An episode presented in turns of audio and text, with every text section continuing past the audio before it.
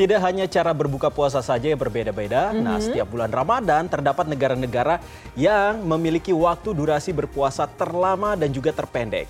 Kali ini kami ajak Anda agak jauh, bukan agak lagi nih, jauh, jauh memang ya. ya ini. jauh beneran. Iya, di Norwegia yang dikenal jadi salah satu negara dengan durasi puasa terlama. Waduh, kalau di Indonesia saja terkadang kalau udah siang ya Bal, perut tuh udah keroncongan nunggu waktu itu, buka. Godaannya memang luar biasa kalau siang-siang. Apalagi kalau lihat iklan-iklan minuman gitu ya. ya. Itu kayak aduh udah sangat-sangat tergoda. Tapi bagaimana nih untuk melihat uh, berpuasa di Norway? Nah, kita sudah bergabung dengan warga negara Indonesia yang ada di Bergen, Norwegia, yaitu Retno Aini. Halo, selamat pagi waktu Indonesia, Mbak Aini.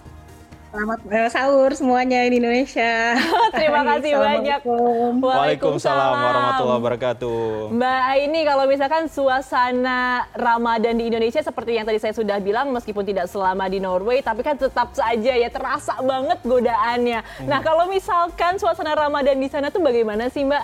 Dan berapa lama durasinya? Jadi ketika Mbak uh, Aini ini memutuskan untuk sahur dan berbuka, apakah Mbak Aini hanya melihat dari matahari terbit dan terbenam saja atau bagaimana sebenarnya Mbak di sana? Oke, okay. uh, suasana Ramadan di sini ya sebenarnya ya sama, uh, nggak sama sih ya, berbeda ya dengan Indonesia. Sama seperti kegiatan sehari-hari berjalan seperti biasa ya bedanya kita nggak makan saat pagi, siang dan sampai sore gitu. Terus um, kemudian untuk penentuan waktu berbuka maupun uh, waktu uh, mulai sahurnya, nah itu kan Norwegia ini terkenal sebagai the land of midnight sun. Mm-hmm. Jadi sejak tahun 2013 uh, sekitar 10 tahun yang lalu itu pertama kalinya dalam sejarah komunitas muslim di Norwegia bulan puasa jatuh pada musim panas di oh. mana midnight sun berlangsung. Jadi terang selama 24 jam. Nah, sementara untuk menentukan waktu sholat kan memutuh, uh, butuh pengamatan astronomi ya. Yeah. Di waktu terang 24 jam ini ya ya mustahil lah ya kita puasa 24 jam. Mm -hmm. Gitu. Terus jadinya Dan bagaimana kemudian, solusinya? Uh, solusinya bagaimana? Nah, itu? solusinya mm -hmm. uh, Islamic Council di Norwegia memutuskan bahwa untuk jika puasa itu jatuh di waktu-waktu musim panas, kita bisa mengikuti uh, waktu Mekah. Oke. Okay. Gitu. Yang kemudian disesuaikan dengan konversi time zone dan daylight saving gitu. Okay. Jadi kita mengikuti waktu Mekah. Hmm. Hmm. Itu ada dispensasinya lah, ada ada fatwanya di situ. Berarti karena juga hmm. kondisi kita Ya, gimana gimana lanjutin aja, Mbak ini? Ya, karena kondisi midnight sun ini terang 24 jam juga terhitung ekstrim untuk tubuh manusia karena mengganggu ritme sirkadian kan, mengganggu uh, proses kita bangun dan tidur itu kan sangat dipengaruhi oleh uh, paparan sinar matahari gitu. Jadi untuk kali uh, selama 10 tahun belakangan jujur saja buat saya puasa itu tantangannya bukan lapar dan haus, tapi terganggunya siklus tidur karena mataharinya iya. Oke, berarti kalau kalau di sana saat ini sudah jam 8 pagi. Nah, uh, berarti kalau mengikuti Arab Saudi untuk uh, waktu sahur dan juga ber, jam berbuka puasanya itu jam berapa ini Mbak ini? Nah, untuk sahurnya itu sekitar pukul 4 pagi ya. Hmm. Karena uh, subuhnya itu sekitar pukul 5 lewat sedikit ya, 5 lewat 5 ya. Kemudian untuk berbukanya sendiri uh, sekitar pukul 7 malam jam hmm. 7 malam ya. Berarti ini ya. untuk sahur dan juga untuk berbukanya ini terang benderang gitu ya. Berbeda Betul. kalau misalnya dengan di Indonesia ya. ya.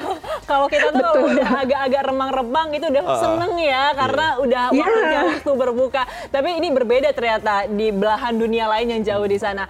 Tapi Mbak ini kalau misalkan seperti tadi tantangannya kan sangat besar sekali. Nah, biasanya kan kalau warga Indonesia ini eh, terkenalnya sangat guyup seperti itu ya. Jadi kalau misalkan hmm. ketika bulan Ramadan seperti ini ada atau tidak sih agenda yang dilakukan oleh komunitas WNI di Norwegia pada saat mungkin sahur atau berbuka seperti itu Mbak? Uh, kalau untuk sahur mungkin ya tidak ada ya karena sendiri-sendiri hmm. rumah. Terus di Norway sendiri ada peraturan dari pukul 10 malam sampai pukul 7 apa 6 pagi itu tidak boleh ada suara-suara yang mengganggu. Oke. Okay. Gitu. Oke. Okay. Nah, kemudian untuk berbuka puasa kita sering mengadakan acara berbuka, uh, berbuka puasa ya di sini setiap kali Ramadan. Uh, namun karena selama tiga tahun belakangan itu kena pandemi, uh, sempat kita tidak melaksanakan itu. Tapi sebagai gantinya kita jadi suka saling mengirimkan makanan di sini. Kalau di sana sistemnya seperti apa Mbak? Kalau misalnya mau sholat tarawih, apakah ada tempat ibadah masjid di sana atau memang diadakannya hmm. di uh, rumah-rumah warga negara Indonesia ataupun uh, masyarakat Muslim yang ada di sana? Iya, kalau untuk sholat tarawih kita bisa sholat tarawih berjamaah waktu buka puasa bersama. Hmm. Atau di sini juga ada di kota saya tinggal di Bergen, Norway ini uh, ada masjid Bergen Moske di tengah pusat hmm. kota, hmm. di mana dia itu setiap bulan uh, Ramadan pasti mengadakan tarawih berjamaah hmm. dan juga acara buka puasa bersama. Nah, di masjidnya. Kemudian kita uh, jika berafiliasi dengan uh, masjid tersebut, kita bisa mendaftar, mendaftarkan diri untuk menjadi volunteer, membantu acara buka puasa bersama, menyiapkan makanan, atau membantu buat menyiapkan uh, tempat sholat tarawih bersama-sama. Oh, yeah. baik baik. Nah, Mbak ini saya penasaran Mbak ini sudah berapa lama di Norwegia nih? Uh, kami pindah pertama kali itu tahun 2013 ke Aha. kota Tromso. Jadi itu kota Tromso itu sudah masuk wilayah lingkar kutub utara. Hmm. hmm, hmm, hmm Oke, berarti sudah dari 2013. Yeah. Wow, kurang lebih udah 10 tahun ya, yeah. Mbak ya. Dan yeah. ini kan pasti tahun ini uh, Iya, 10 tahun. Betul. Oh iya, dan pastinya kan sebenarnya kalau sudah 10 tahun akan sangat banyak hal yang dirindukan dari Indonesia, terutama ketika bulan Ramadan ini karena tradisi di Indonesia ini sangat banyak sekali seperti itu. Apa sih Mbak yang paling dikangenin dari Indonesia selama bulan suci Ramadan ini? Paling kangenin ya sebenarnya sholat berjamaah, tarawih hmm. sama keluarga itu kangen pasti. Kemudian jujur uh, kangennya sih bisa makan enak nggak pakai masak. Kalau di sana memang Itu semua masak sendiri ya, semua masak sendiri, nggak ada yang jualan yeah. untuk masakan Asia atau Indonesia gak begitu nggak yeah. ada ya? Tidak okay. ada. Cuma memang uh, beberapa tahun yang lalu karena kita saling berkiriman makanan mm -hmm. Waktu selama pandemi, kemudian ada juga yang uh, punya ide untuk buka pre-order makanan. Nah di situ Oke. Okay. Uh, rasa kangen kemarin Indonesia lumayan terobati. Mm -mm. Tapi kalau saya tidak salah nih, saya dong. Biasanya Iqbal ini Mbak Aini ini sebenarnya ini senior saya dulu waktu zaman kuliah. Oh gitu. jadi tahu dong jelek tahu. nol zaman kuliah. Tapi ya? jangan. Jadi jadi Mbak Aini ini mirip mantan saya dulu. Wah ini pasti tahu. Mbak ini, jadi kalau misalnya ya. uh, untuk makanan seperti itu, biasanya Mbak ini masak sendiri ya. Kalau saya tidak salah, Mbak ini juga hobi masak dan juga punya bisnis kuliner Indonesia di sana. Oh iya, jadi saya juga hobi masak. Mm -hmm. Kemudian tapi kebetulan saat ini saya dan suami sama-sama bekerja. Jadi kami hanya mengalokasikan waktu untuk masak makanan Indonesia itu saat akhir pekan. Hmm. gitu. Jadi uh, karena memang masakan Indonesia itu kan preparationnya panjang ya banyak, Betul. gitu yang harus disiapkan. Kemudian juga waktu akhir pekan tuh jadi waktu saya dan suami untuk mengenalkan tradisi uh, Ramadan Indonesia tuh seperti apa sih gitu. Baik. Jadi dari makanannya, dari apa aja tuh dikenalkan ke anak saat akhir pekan. Oke, ini seru banget sih. Memang kalau misalkan punya bisnis kuliner Indonesia di yeah. luar negeri gitu ya. Tapi saya juga pengen tahu nih Mbak Aini, kalau misalkan Norwegia itu kan terkenal dengan salmon ya. Salmon Norwegia hmm. itu katanya sangat segar seperti itu. Ada nggak sih di sana hidangan-hidangan khas ketika buka puasa yang mungkin uh, keluarnya ini cuma bulan Ramadan saja. Atau mungkin di sana bukanya kalau kita di sini pakai gorengan di sana bukanya pakai salmon gitu mbak. Iya yang keluar khas di bulan Ramadan kalau untuk kebanyakan pemeluk agama muslim sih tidak ada ya sama aja ah, rata-rata. okay. kita bisa mendapatkan kurma dari toko Asia gitu. Kemudian karena ya memang salah satu uh, Norway itu salah satu produsen salmon terbesar ya. Hmm Uh, jadi hari-hari memang lebih gampang masak salmon gitu. Justru gorengan yang keluar khas hanya bulan Ramadan kalau di rumah saya. Tapi kalau di sana Mbak ini uh, berkaitan dengan apa namanya toleransi antar umat hmm. beragamanya seperti apa? Apakah cukup nyaman untuk menjalankan ibadah di sana? Sangat nyaman. Hmm. Bisa saya bilang sangat nyaman.